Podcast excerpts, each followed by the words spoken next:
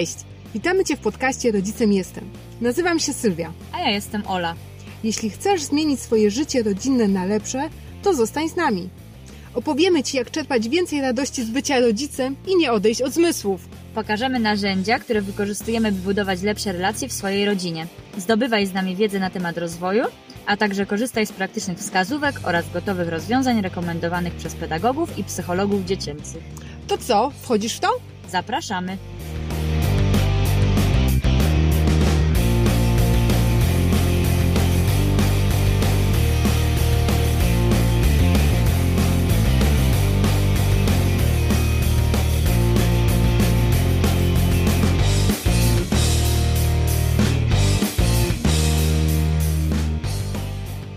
Cześć, witamy Cię serdecznie. To jest seria odcinku Rodzicielskie Drogowskazy w ramach podcastu Rodzicem Jestem. Przypominamy w niej nagrania z pierwszej w Polsce podcastowej konferencji Kierunek Szczęście skierowanej do rodziców.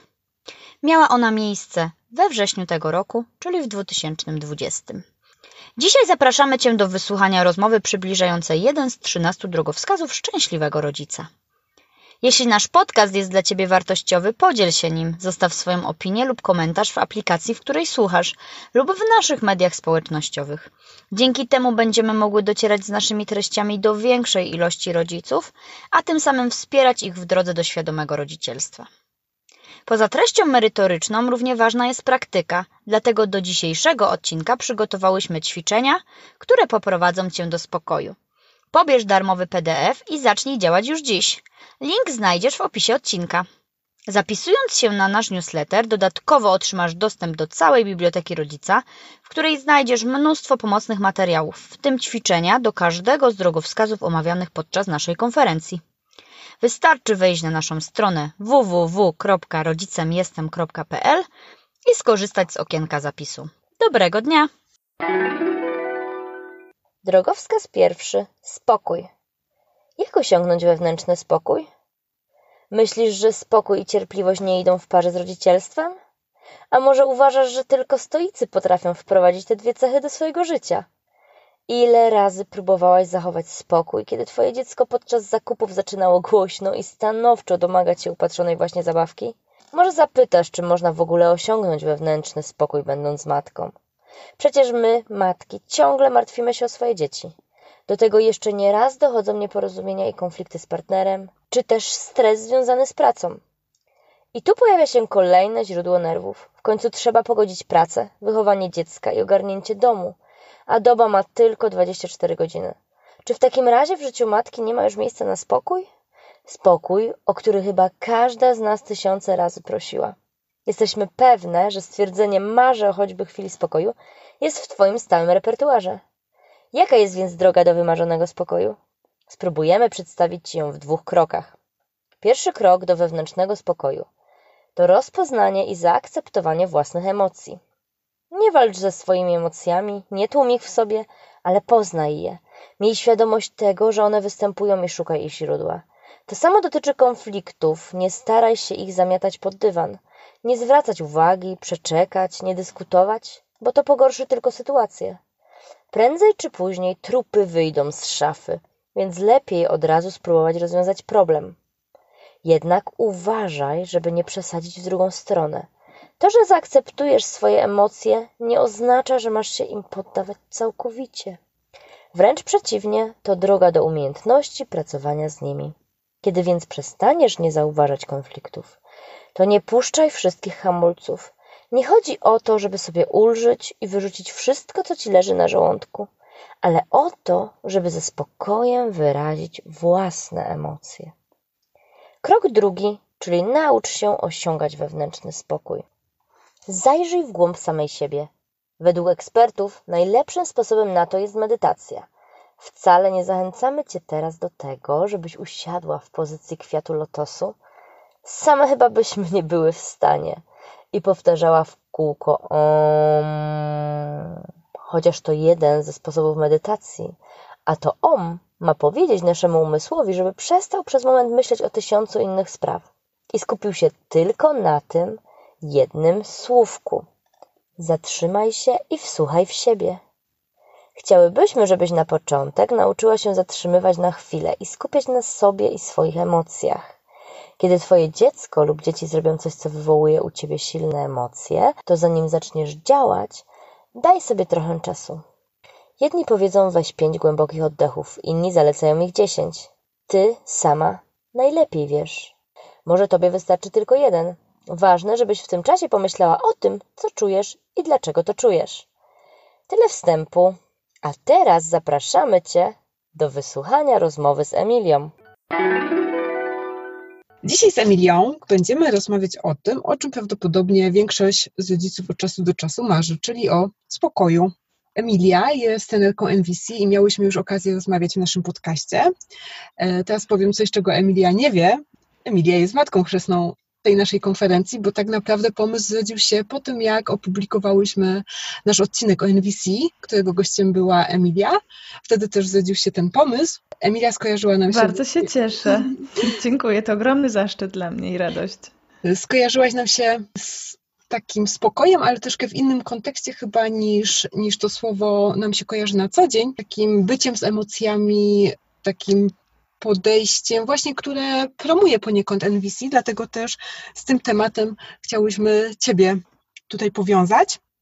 Jednak zanim przejdziemy już do tego tematu, chciałam Cię serdecznie przywitać. Chciałam Ci bardzo podziękować i powiedzieć, że bardzo się cieszę, że mamy znowu okazję ze sobą porozmawiać i podzielić się z naszymi słuchaczami Twoją wiedzą i Twoim podejściem dzisiaj akurat do tego tematu.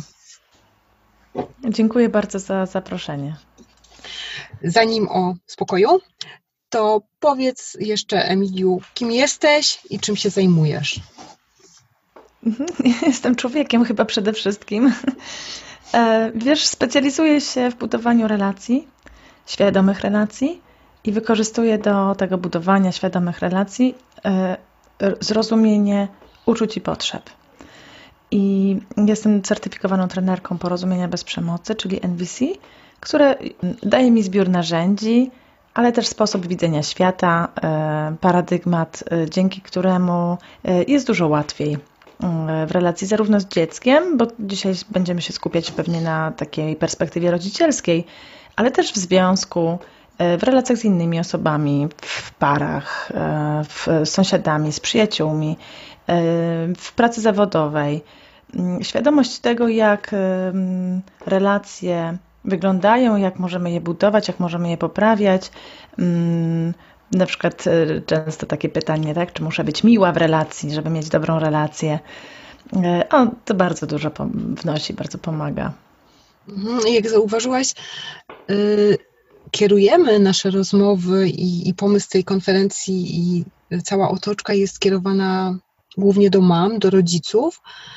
I zanim stajemy się rodzicami, wygląda to inaczej i inaczej wygląda nasze życie, kiedy mamy potomstwo. Jak wyglądało to u Ciebie? Jak, jakie były Twoje oczekiwania? Czego się spodziewałaś, a co Cię zaskoczyło, kiedy już zostałaś mamą?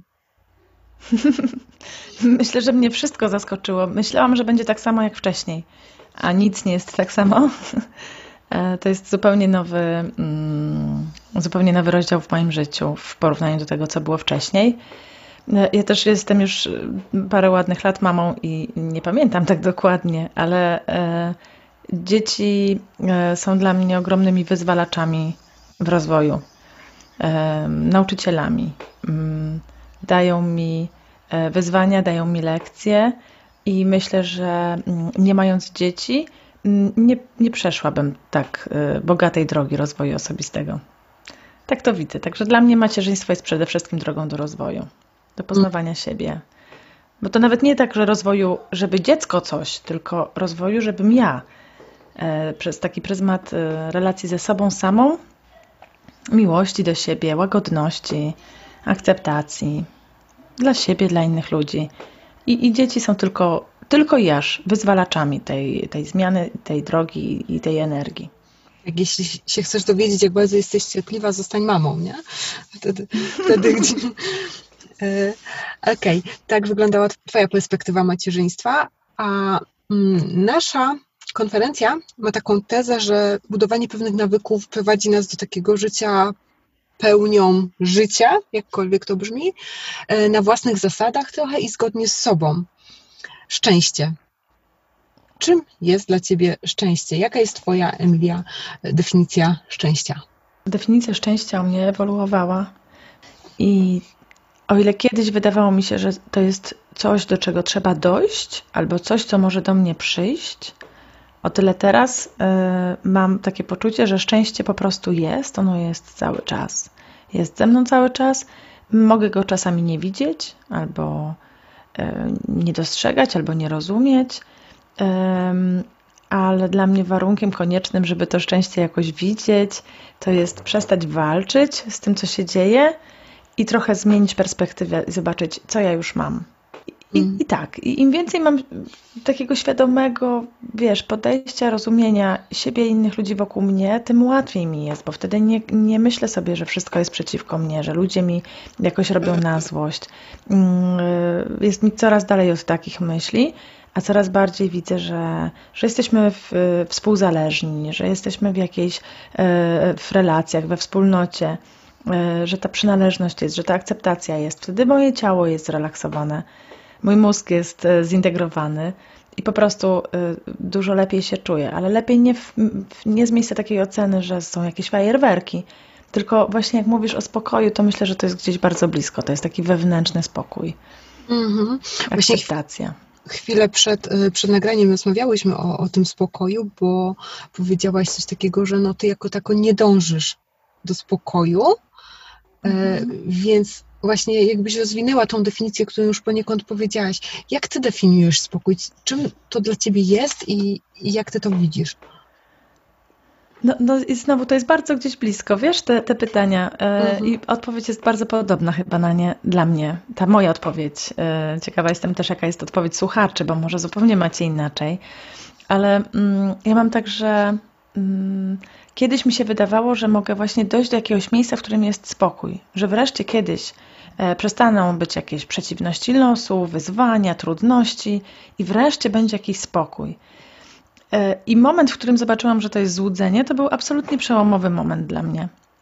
Bo to skierowało mnie do takiego myślenia, że ja teraz mam spokój, ale spokój rozumiany w takiej szerokiej perspektywie. Natomiast spokój w takim sensie, że mm, w takim sensie uczucia, że ja tu i teraz się dobrze czuję, to jest dla mnie jeszcze coś innego. Mm, I y, też mm, trochę przestaję do tego dążyć, bo to jest tak, jakby tą amplitudę moich uczuć, emocji e, wypłaszczyć. Ja chyba nie chciałabym jej wypłaszczać. Coraz bardziej doceniam inne uczucia, których kiedyś nie doceniałam, na przykład złość czy smutek. Mm, I coraz więcej widzę w nich zasobów i wartości, jakichś ważnych wskazówek, drogi, którą dzięki nim można podjąć. E, I to wychylenie zarówno właśnie w stronę e, złości, smutku, frustracji, lęku i innych e, trudnych emocji, czy w drugą stronę, tam gdzie jest radość, tam gdzie jest poczucie szczęścia, takie z miejsca uczucia, tak, chwilowe, czy uczucie miłości, czy uczucie uskrzydlenia, one, myślę, że ta amplituda dla mnie fajnie jak ona jest i jak jest nie taka bardzo właśnie płaska. Dlatego jakoś nie szukam spokoju, bardziej szukam przepływu, bardziej szukam balansu, mhm. bardziej szukam e, takiego rodzaju flow, który mm, tak jak moje życie płynie, a ja nie walczę, tylko pozwalam sobie płynąć w rzece, która po prostu ma swój prąd. I przestaję walczyć i wyczerpywać się na walkę z tym prądem, a zaczynam płynąć tak, jak to płynie to wtedy jakoś jest dużo dla mnie. To jest bardziej bogate, obfite. No, takie życie jakoś mi się podoba. Tak jak o tym mówisz, to mam wrażenie, że taka Twoja definicja spokoju jest bliska czemuś takiemu jak taki balans, jak taka równowaga, taka mhm. zgodność ze sobą i z mhm. tym, co mam dookoła i, i wszystkimi właśnie takimi kawałkami, które gdzieś gdzieś są, na które masz wpływ i na te, na które nie masz wpływu, bo takie też, też są. E, Oczywiście. Jak myślisz, jakie są korzyści z takiego podejścia właśnie do spokoju, do równowagi? Jak, jakie ty widzisz plusy tego, że jest ta akceptacja, tak? myślę sobie, że jest tak, że trudne sytuacje zawsze będą w moim życiu. Tak trochę od tyłu opowiem, odpowiem. Mhm. E, Zawsze będą wyzwania, mm, trudności, rozstania, e, tęsknota. One będą. Przeróżne sytuacje będą się zdarzały. I teraz, jak ja reaguję na to mm, jakąś niezgodą, mm, walką, nie podoba mi się to, niech te wreszcie moje dzieci się przestaną coś, niech wreszcie te urzędy zaczną jakoś. Jak, ja mam w sobie dużo takiej walki wtedy. I mm, to, to, to jest trochę tak jakby z drugiej strony, a mogę zareagować inaczej. Czyli przychodzą te różne trudne sytuacje, ale one na mnie nie mają wpływu jako. One mają oczywiście na mnie wpływ, bo one się dzieją i ja muszę jakoś zareagować na nie, ale nie mają na mnie wpływu jako na człowieka, jako na moją, moje człowieczeństwo, moją pełnię. No, że jakoś tak właśnie widzę ten, e, ten spokój, Mhm. jako sposób, te- ten balans, jako sposób przyjmowania, bo to, co jest, co nas cieszy, co nas raduje, to łatwo się do tego ustosunkować, chociaż też nie zawsze. Mm, Też nie zawsze potrafimy świętować, też nie zawsze potrafimy pokazać swoje na przykład osiągnięcia czy mocne strony, ucieszyć się z tego, co jest, tylko widzimy to, co, to czego nie ma. Mm, To też warto rozwijać. Ale z tymi trudnościami mamy jakoś tak właśnie, że, że, że częściej wchodzimy y, właśnie w jakąś taką walkę, w klimat, który tak naprawdę nam nie służy, a jakby od tego odejść i przyjmować wszystko tak, jak przychodzi. Z Mhm. uznaniem, że tak właśnie jest. No No tak może być, że jest ci smutno. No tak może być, że się złościsz. Okej, tak jest. Doszłyśmy do, do tematu, y, który gdzieś tam bardzo się zazębia ze spokojem, ze szczęściem, czyli emocje. Wydaje mi się, że mm, takim pierwszym krokiem do szczęścia, jakkolwiek mamy je zdefiniowane, to jest praca z emocjami. Jak ją zacząć? Jak zacząć akceptować emocje, jak małymi krokami żyć w zgodzie właśnie z tym, co nam podpowiada nasze ciało, nasze emocje, nasze myśli, tak? Jak można zacząć taką pracę w codzienności? Pierwsza rzecz, która przychodzi mi do głowy, to jest mm, takie zrozumienie, że emocje, uczucia przychodzą po to, y, żeby przynieść jakąś informację o potrzebie. Czyli, że one nie są zawieszone w próżni, po prostu uczucie. Och, mam uczucia i fajnie. tak też oczywiście y, warto je w ogóle widzieć i przyjmować. Jasne, że tak. I pójść krok dalej, czyli sprawdzić, do jakiej potrzeby te uczucia mnie prowadzą, o jakiej potrzebie mnie informują. I czy informują mnie o tym, że ta moja potrzeba jest zaspokojona, czy o tym, że ta potrzeba jest niezaspokojona. I dzięki temu emocje kierują mnie do takiej trochę głębszej warstwy, do życia we mnie, do rozpoznania, co teraz jest dla mnie bardzo ważne, więc są dla mnie drogowskazem do istotnych e, wskazówek. I mogę zatrzymać się z takim pytaniem, które Marshall Rosenberg za, y, zadawał. Co jest w tobie teraz żywe i jak możesz, możesz sprawić, by życie było piękniejsze? I to żywe to właśnie to są te uczucia i potrzeby. Żywe, czyli co naprawdę mnie ciągnie, co jest dla mnie teraz naprawdę ważne, to naprawdę chcę być zobaczone. Więc dla mnie ta świadomość, że wszystko zaczyna się od emocji i idą dalej, informują mnie o potrzebach, a potrzeba są, y, potrzeby są moją wewnętrzną motywacją i napędzają mnie w życiu, to jest taki punkt wyjściowy. On nadaje mi sens. Pokazuje, że warto mm, rozumieć i przyjmować właśnie emocje i, i, i to, co jest dalej. No i jak to robić? Ćwiczyć. Mhm. Zresztą mam wrażenie, że bardzo często łapiemy się na tym, że chcemy sobie radzić z emocjami. A ja Mm. odnoszę wrażenie, że bardziej chodzi o akceptację, a nie radzenie sobie z nimi. Czy dobrze myślę? Bardzo, ba- bardzo jest to ze mną zgodne, to co mówisz, bo mm, tak, radzić sobie ze złością, czyli wyrugować złość ze swojego życia. Nie odczuwać złości, nie? Radzić sobie ze smutkiem, to przestać się tak smucić, jak się smucę. Em, I tak dalej. E, tak, dla mnie to, to jest trochę pułapka, E, I też taka lekcja, którą cały czas przerabiam. I cały czas e, sobie myślę, no tak, jak moje dziecko się złości, albo jak ja się złoszczę, to pierwsza moja myśl to jest taka, o Boże, znowu, mm -hmm. tak? A nie otwarte ramiona i przyjęcie tego, wow, to jest złość, ona nam mówi o czymś bardzo istotnym, posłuchajmy. Więc życzę sobie, żeby moją pierwszą reakcją była ta druga reakcja.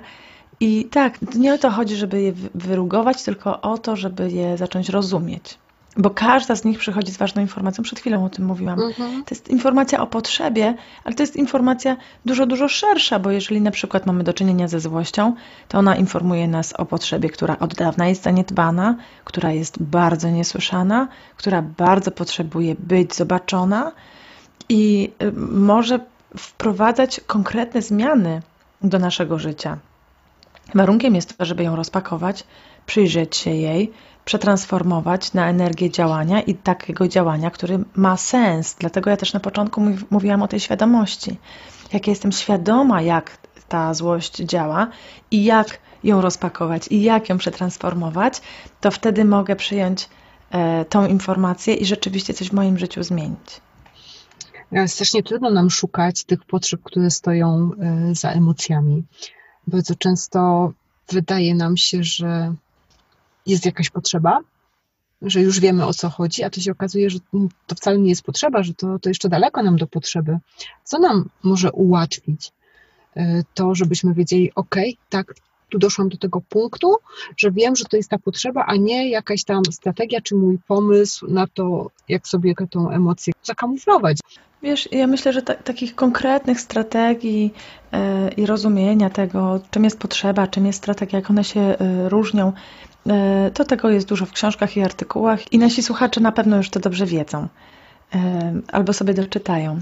A jak myślę sobie, jak to zrobić, żeby naprawdę rozpakować, czyli jak to zrobić już w działaniu, a nie w mhm. teorii, to pierwszym krokiem dla mnie jest otwarcie uszu i słuchanie w taki sposób, żeby fajnie jest to robić z drugą osobą, gdzie y, nie szukamy rozwiązań. To, jest nietypowe, bo zazwyczaj jak przyjaciółka przychodzi do mnie i mówi ach, potrzebuję białą bluzkę na jakąś okazję, to ja od razu sobie myślę, aha, w takim sklepie widziałam, tu w internecie widziałam, mogę jej poradzić, biała bluzka, wiem, wiem, wiem, co to jest biała bluzka, wiem, gdzie, gdzie ją zdobyć. A być może ona przychodzi do mnie nie z tym pytaniem, czy widziałam gdzieś ostatnio białą bluzkę, bo gdyby przychodziła z takim pytaniem, to by je zadała pewnie w taki sposób.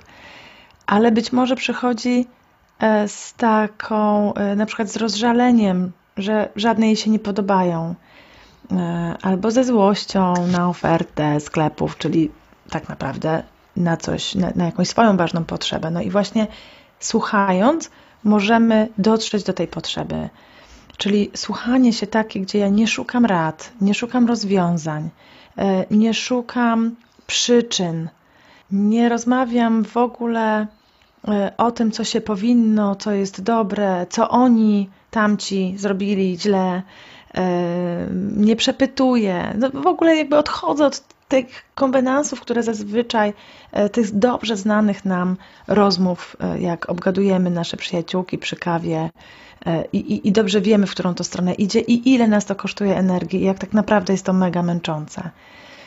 Dlatego ja już nie obgaduję moich przyjaciółek przy kawie, bo widzę, że to zupełnie nie daje mi nic.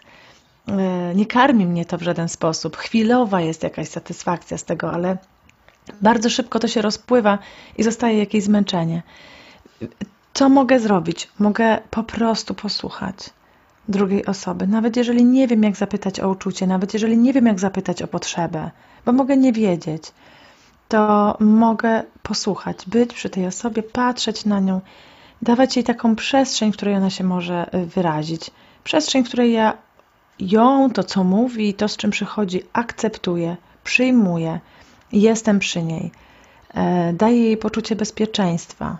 I ona może to wszystko wyrazić, co w niej jest i sama siebie usłyszeć. Więc y, dla mnie to jest takim pierwszym, chyba najważniejszym y, krokiem. A jeżeli chcemy sięgać dalej do uczuć i potrzeb, to można skorzystać z listy uczuć i listy potrzeb. które nie są oczywiście jedyną słuszną listą uczuć i potrzeb, które my mamy czuć i mamy potrzebować ich, tylko są takim wsparciem, które pomaga nam odróżnić uczucia i potrzeby od tego, co uczuciami i potrzebami nie jest, a nam się często wydaje, że jest. I taka lista jest na przykład na naszej stronie nvclab.pl, lab od laboratorium przez B, nvclab.pl i też w wielu innych miejscach można taką listę znaleźć. Tak, przyznaję, jest bardzo pomocna. A jak to, było u Ciebie? Jak Twoja droga właśnie do, takie, do takiej równowagi, do takiego sposobu wglądu w siebie wyglądała? Bo nie jest to dla nas naturalne, dla nas dzieci wychowanych w ocenianiu, dzieci etykietowanych. Dla nas naturalne są oceny, etykiety, mówienie o uczuciach to już w ogóle skomplikowana sprawa. Jak to było u Ciebie? Jak ta droga się rozpoczęła? Jak ona wygląda teraz? Co jeszcze przed Tobą? Przede mną to jeszcze mnóstwo ciekawych rzeczy na pewno i doświadczeń. I nie wiem, czy ja to wiem, ale e, co za mną? No za mną jest e, wieloletnia droga e, treningów, nauki, ćwiczeń w, dwójek, w dwójkach empatycznych, czyli to, co mówiłam przed chwilą o rozmowie z koleżanką, trochę ubrane w pewną strukturę, nakierowane na znalezienie potrzeby i takie rozmowy, takich rozmów odbyłam mm, nie wiem, czy dziesiątki, czy setki godzin e, w moim życiu, pewnie setki, albo jeszcze więcej.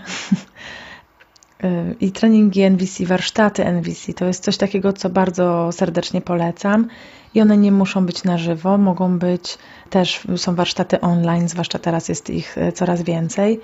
Więc nawet jeżeli mieszkasz w jakiejś małej mieścinie albo gdzieś daleko od y, fajnego trenera, to możesz, y, to możesz skorzystać też z treningów online. Są też kursy online nowe, jest tego już naprawdę dużo. Każda z nich to była jakaś cegiełka, która mi wnosiła zrozumienie. Mm, ważna była dla mnie też terapia, która pomogła mi widzieć wyraźnie, co w tym moim ciele się dzieje, skąd się to wzięło, zrozumieć, czyli takie zrozumienie siebie. Z tego zrozumienia siebie bardzo dużo płynie akceptacji. Przynajmniej u mnie tak jest i myślę, że u wielu osób. Z tego, że e, odchodzę właśnie od ocen, tak jak mówiłaś, tak, że byłam wychowana w ocenach, w etykietowaniu, w szkole, która się posługiwała ocenami a nierzadko również jakąś krytyką, wyzwiskami, zawstydzaniem. Przeróżnych rzeczy się doświadczało, jeżeli nie ja osobiście, to moi koledzy i ja byłam tego świadkiem.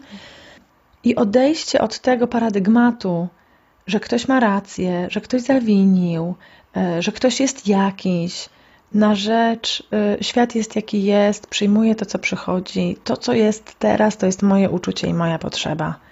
To jest teraz, to jest namacalne, to jest mojego ciała. To, co zawsze ze mną jest, to jest moje ciało. I cała mądrość mojego życia jest w moim ciele. I to może dziwnie jakoś brzmieć, nie? No, zwłaszcza na początku. O co tu chodzi?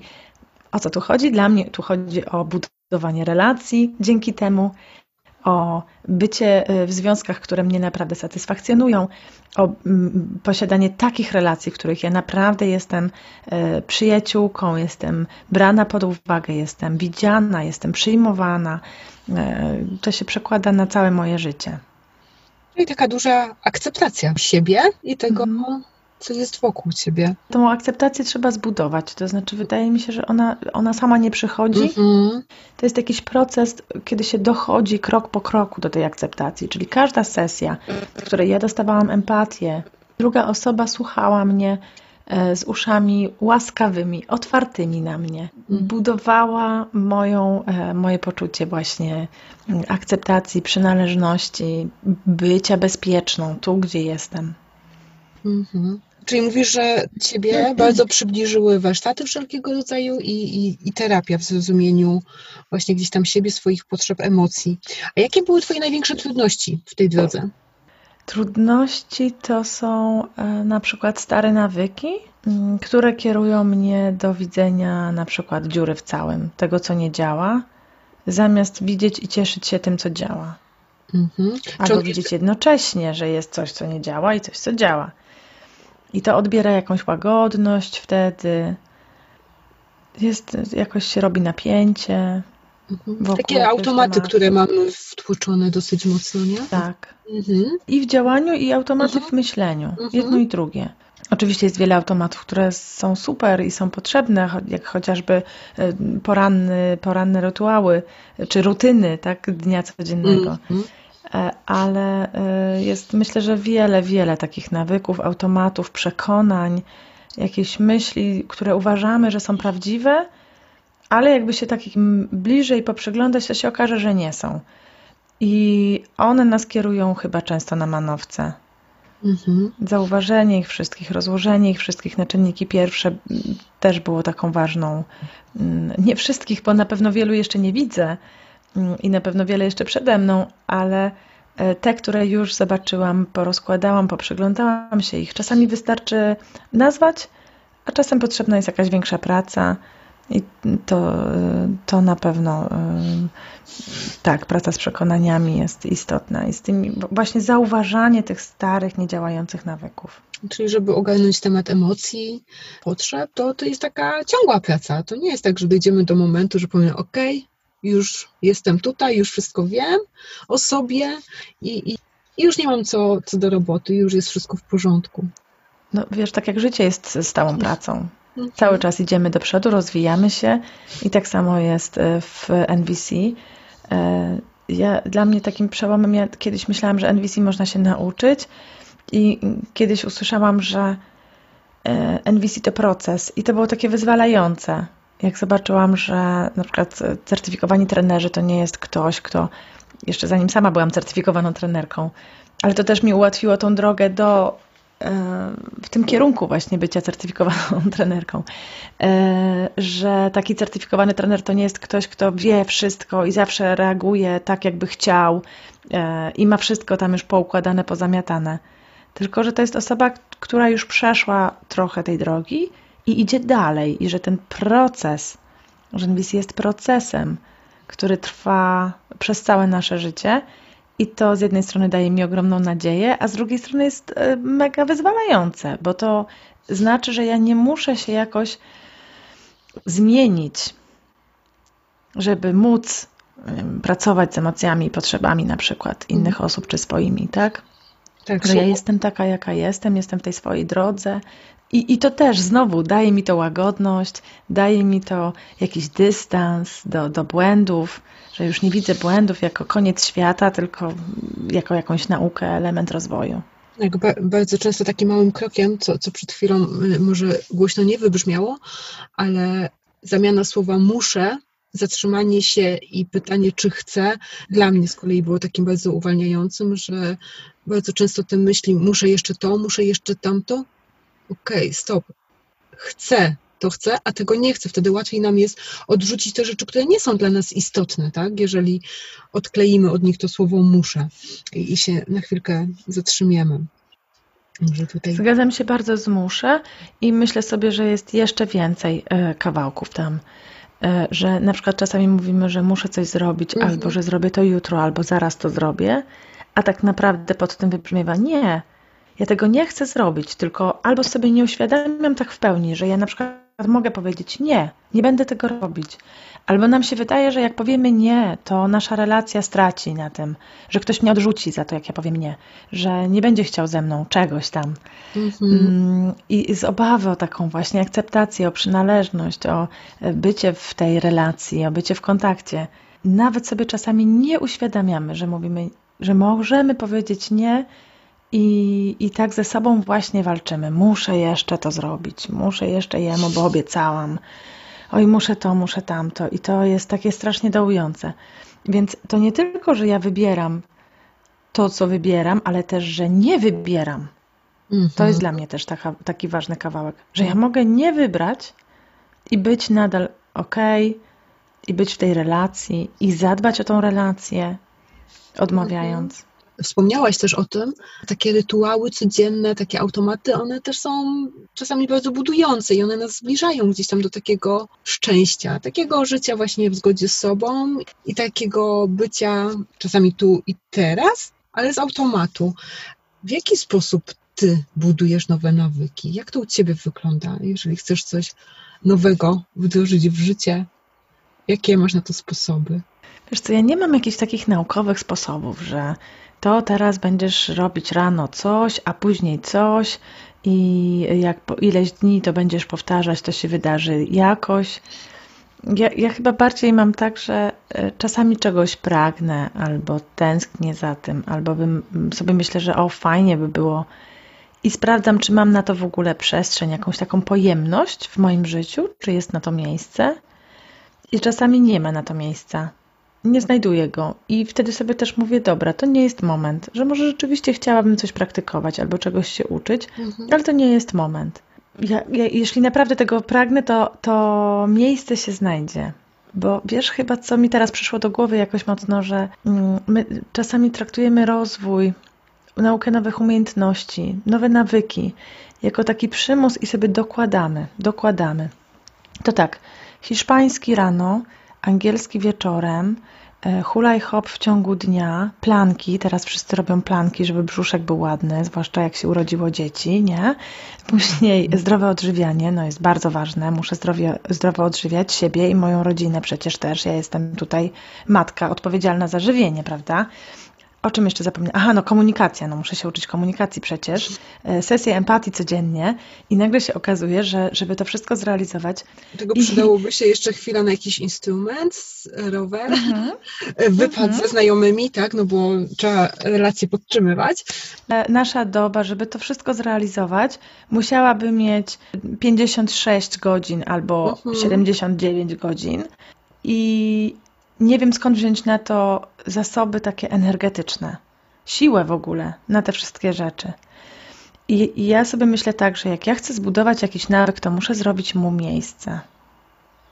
Czyli w ogóle sprawdzić, czy ja to chcę, czy ja mam na to teraz zasoby, czy ja mam na to przestrzeń, czy ktoś mnie w tym wesprze, czy to jest w ogóle coś, w czym da się wspierać, czy być wspartym.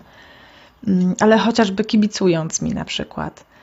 I wszystkie te rzeczy, które się mówi, to są tylko dwie minutki, to są tylko trzy minutki, to jest tylko dziesięć minut. Urastają do wielu godzin, jeżeli się je sumuje. Mhm. Mm, więc pierwsze to jest dla mnie zrobienie miejsca. A jak mam miejsce, to to już wtedy płynie swoim własnym rytmem. Okej. Okay dobry sposób. Myślę, że... A jeszcze chyba, wiesz co, mhm. nie powiedziałam, że, że ważne jest dla mnie też, po co ja to chcę. Czy to jest takiego, wiesz, chwilowego zachwytu albo jakiegoś braku wiary w siebie, jak na przykład te planki, nie? Możesz sobie myśleć, Boże, jestem taka beznadziejna, jestem gruba, mam brzydki brzuch po ciąży, wszystkie dziewczyny mają ładne, potrzebuję ćwiczyć. To dla mnie to nie jest w ogóle motywacja, która to karmi jak ja zaczynam się porównywać z dziewczynami innymi, jak mają, albo tam urodziły jedno dziecko, albo nie urodziły, a ja urodziłam, ja akurat urodziłam dwójkę, ale przecież niektóre słuchaczki pewnie urodziły więcej dzieci. Y, I, I, jak zaczynam to wszystko porównywać, to jest taka mm, energia bardzo niska, energia jakiegoś braku. A ja bym chciała budować nawyki z energii, y, z energii miłości, z energii obfitości, z energii akceptacji. Mam brzuch taki, jaki mam. Jeżeli ja pragnę jakoś nad tym brzuchem pracować, ale z takiego miejsca, że jestem matką, że mam za sobą te dwa porody i dwie ciąże, e, że mam te 40 lat, że już wiesz, już bez przesady, taka jestem jak jestem, ale chcę o siebie zadbać, chcę być zdrowa e, i to jest takiej energii właśnie pozytywnej, z takich wysokich, dobrych wibracji, to ja znajdę przestrzeń na te planki i znajdę dla nich miejsce w moim rytuale dnia. Mhm. Zaczęłaś też o dbaniu o siebie w kontekście nawyków, tak, czy chociażby zdrowia i, i tak dalej. W jaki sposób ty dbasz właśnie o tą równowagę i, i dbasz o siebie? Jakie masz sposoby, żeby naładować swoje akumulatorki? To jest ciekawe pytanie, dzięki za to pytanie, bo e, zmieniłam e, sposoby z dużych sposobów i rzadkich na małe sposoby i częste. Mhm. Czyli kiedyś dla mnie głównym źródłem naenergetyzowania się i byciem w równowadze, to były takie konkretne sesje empatii. Umawiałam się z Martą, z Sylwią, z dziewczynami na e, telefon albo na spotkanie i rozmawiałyśmy godzinę, a czasem nawet dłużej, jak to był jakiś większy temat i robiłyśmy takie, wiesz, czeszczenie magazynów wielką szczotą. I oczywiście to było mi bardzo potrzebne i nie chcę powiedzieć, żeby tego nie robić i nadal to robię, jednak nie liczę na to, że to będzie moim jedynym sposobem na dbanie o siebie, zwróciłam się trochę w stronę obserwowania siebie i takiej świadomości tego, co ja robię, tego, co ja wybieram, chwila po chwili. I to jest teraz dla mnie o wiele bardziej karmiące, czyli sprawdzam ze sobą, to, to tak jak jest ta metafora, że jak do słoika najpierw wkładasz e, duże kamienie, potem wkładasz małe kamienie, na koniec piasek. Jak wsypiesz piasek, to już nie ma miejsca. I ja sobie myślę tak, że ten piasek jest taki bardzo, bardzo ważny. Jaki ja piasek wsypuję do mojego słoika, bo piasek wy, wypełnia w tym słoiku, nie wiem, trzy czwarte. Nie wiem ile wypełnia, ale dużo wypełnia przestrzeni. I ja mogę sprawdzać, i to jest pewnie na początku trudne, przynajmniej dla mnie było, a teraz jakoś to o wiele bardziej płynie. Im bardziej mam kontakt ze, ze swoim ciałem, im bardziej mam kontakt z tym, co się dzieje wokół mnie, tym bardziej to płynie. Czyli chwila po chwili y, sprawdzam, czy ja robię to, co bym chciała robić. Czy ja działam tak, jak chciałabym działać? Czy ja właśnie y, zwlekam, odkładam, nie robię tego, co jest ważne, E, dla mnie, co bym chciała wybrać z takiego świadomego miejsca. E, na przykład jestem głodna, mam taką tendencję, że jak siedzę przy komputerze, to zapominam, żeby zjeść. Sprawdzam. Ej, jesteś głodna. Zrób sobie przerwę i zjeść. Takie proste rzeczy, albo dzieci coś robią, proszą o coś. Tak, tak, ja już idę do dzieci, już działamy, oczywiście, wszystko dla nich. Hej, zatrzymaj się. Chcesz się na to zgodzić, czy się nie chcesz na to zgodzić? Nie dlatego, przykładem może być taki rytuał chodzenia na, nie wiem, na sok z dzieckiem. No i tydzień w tydzień idę na ten sok i cieszę się tym sokiem, a dzisiaj mam tak, że za Chiny nie pójdę na ten sok. No ale idę, bo to jest rytuał, bo obiecałam dziecku i tak dalej. Zapłacimy za to oboje. Ja za to zapłacę i moje dziecko za to zapłaci. To nie będzie rytuał, który nas będzie karmił. Jeżeli nie mam zasobów, żeby tam iść, jestem zmęczona i to, czego potrzebuję, to po prostu wyjść z domu sama i trzasnąć drzwiami, to mogę też zmienić te rytuały. Czyli chwilę po chwili mogę sprawdzać, jak ja się mam, co ja teraz tak naprawdę chcę, a co mi się wydaje, że muszę. Czyli znowu trochę do tego muszenia wracamy. Czy ja jestem w kontakcie ze sobą i czy moje E, dzieci, moja rodzina nie zapłacą za to, że ja straciłam ten kontakt ze sobą i robię właśnie wyłącznie nawykowe rzeczy. A to e, płacenie jest dosyć takie, hmm, powiedziałabym, ciężkie, nie? Bo, bo albo to jest krzyk, złość, jakieś takie duże, hmm, jakieś fochy, albo jak jest na przykład ktoś wygłodzony, nie wiem, czy masz takie doświadczenia, e, że, że jesteś bardzo głodna, długo nie jadłaś, to potem bardzo trudno jest zjeść Y, tak, żeby rzeczywiście y, czuć satysfakcję po tym zjedzeniu. Ja bardzo często, jeżeli chodzi o jedzenie, jak zaczynam się czuć sfrustrowana, a nie wiem z czego, często chodzi o głód. Bo ja też mhm. potrafię, podobnie jak ty, jak się w coś y, zafokusuję i na czymś skupię, to zapominam o jedzeniu, piciu i tak dalej. Więc kiedy widzę, że już coś u mnie tam się odpala, to pierwsze, pierwsze pytanie jest, czy na pewno ty nie jesteś głodna, dziewczyno.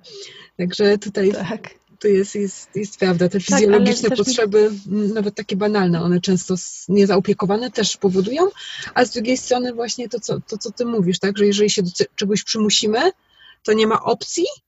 Na pewno któraś ze stron nie będzie się czuła komfortowo w tej sytuacji. Tak. I też jak tak się bardzo, bardzo wyczerpie, to właśnie bardzo trudno jest też te zasoby wtedy odnowić. Mhm. No to mi też chodziło z tym właśnie z tym zjedzeniem, że jak już tak naprawdę wiele godzin nie zjesz, jesteś taka bardzo głodna, to potem bardzo trudno doprowadzić swoje ciało do takiego e, poziomu zadowolenia, że moje ciało jest najedzone, zrelaksowane i w porządku. No nie, bo albo coś się skurcza, albo coś boli, albo coś e, jakoś nie ma, nie ma w tym takiego, e, takiego zadowolenia. I dlatego właśnie chwila po chwili mogę sprawdzać, czy ja jestem w tym, w czym chcę być, w tej energii, którą mhm. sobie świadomie buduję i wybieram w moim życiu. Jak nie jestem, to mogę coś zmienić. Myślę, że nam ciężko czasami sobie ze sobą pogadać.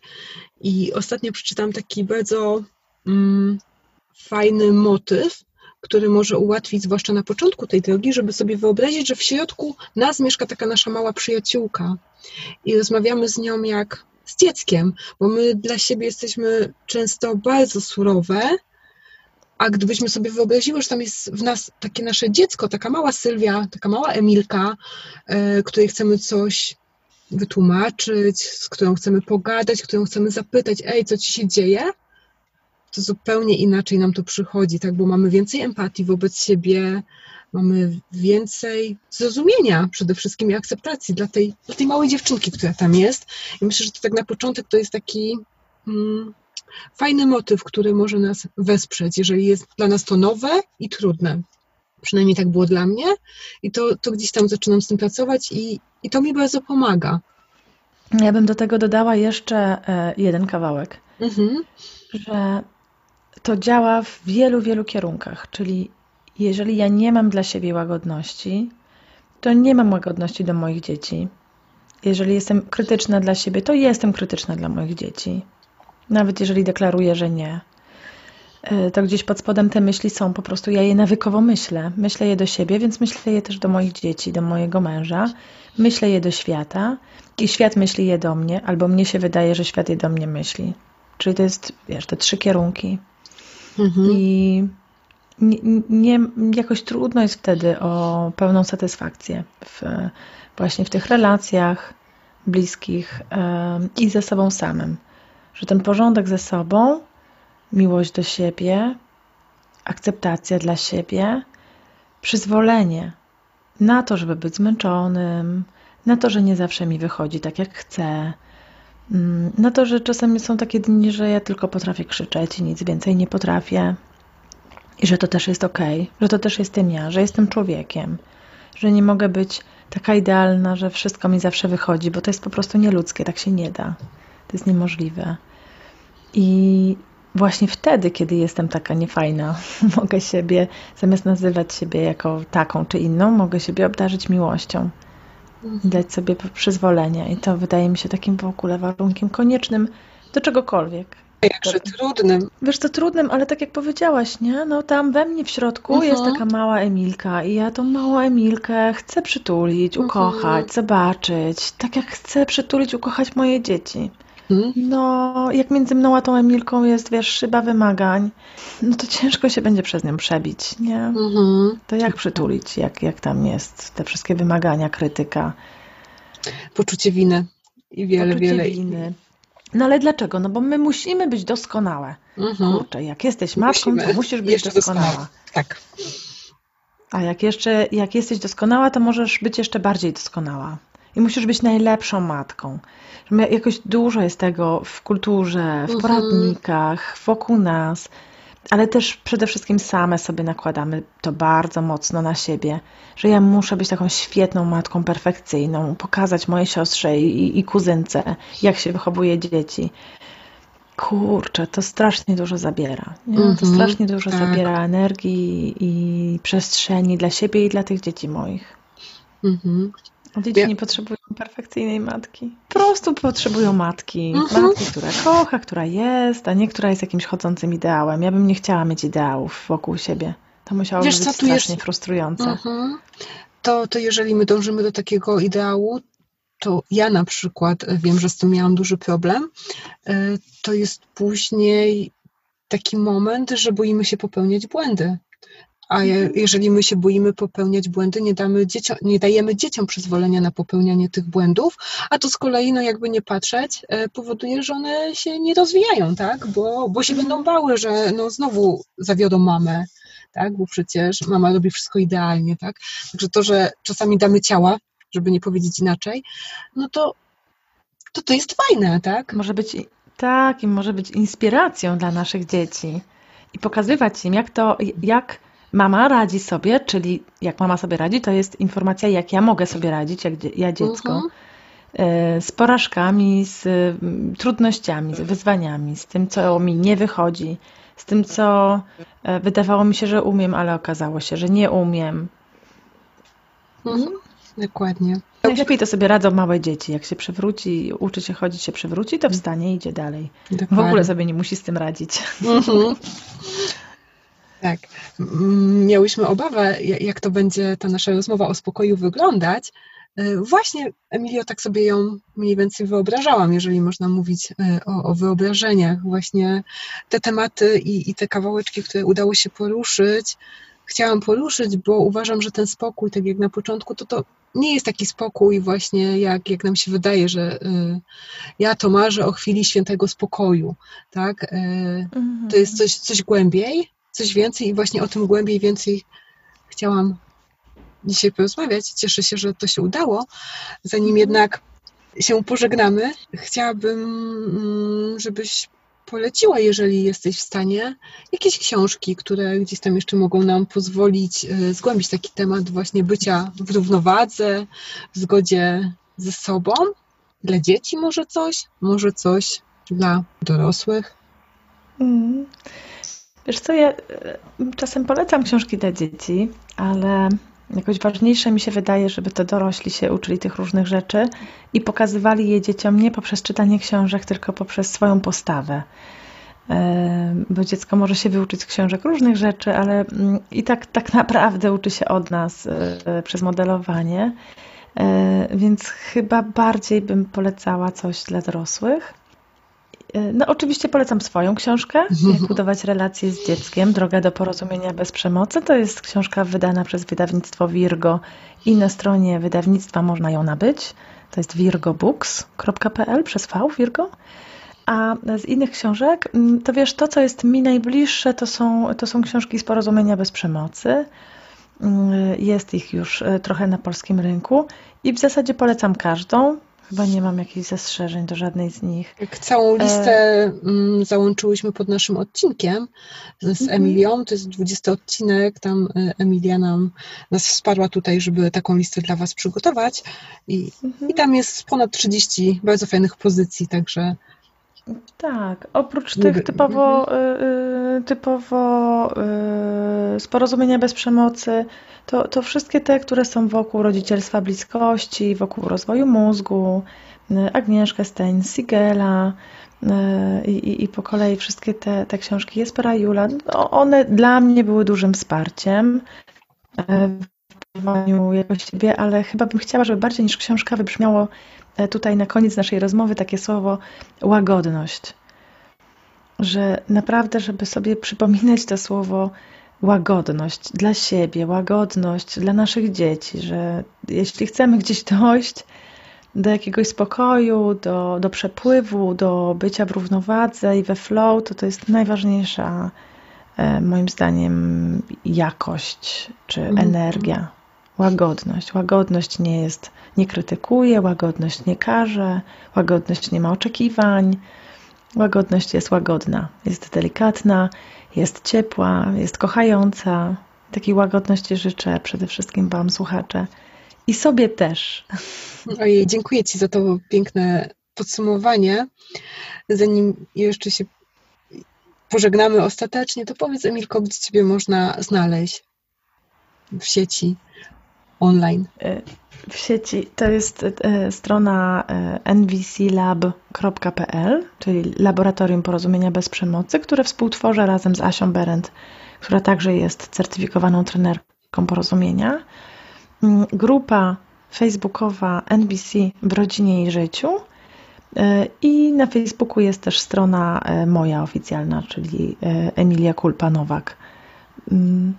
I to są chyba takie miejsca, gdzie najłatwiej mnie zobaczyć. Jeżeli, jeżeli macie ochotę e, więcej posłuchać Emilii, więcej pobyć z Emilią, to zapraszamy w te miejsce i ja także polecam, którą już w końcu przeczytałam, książkę Emilii.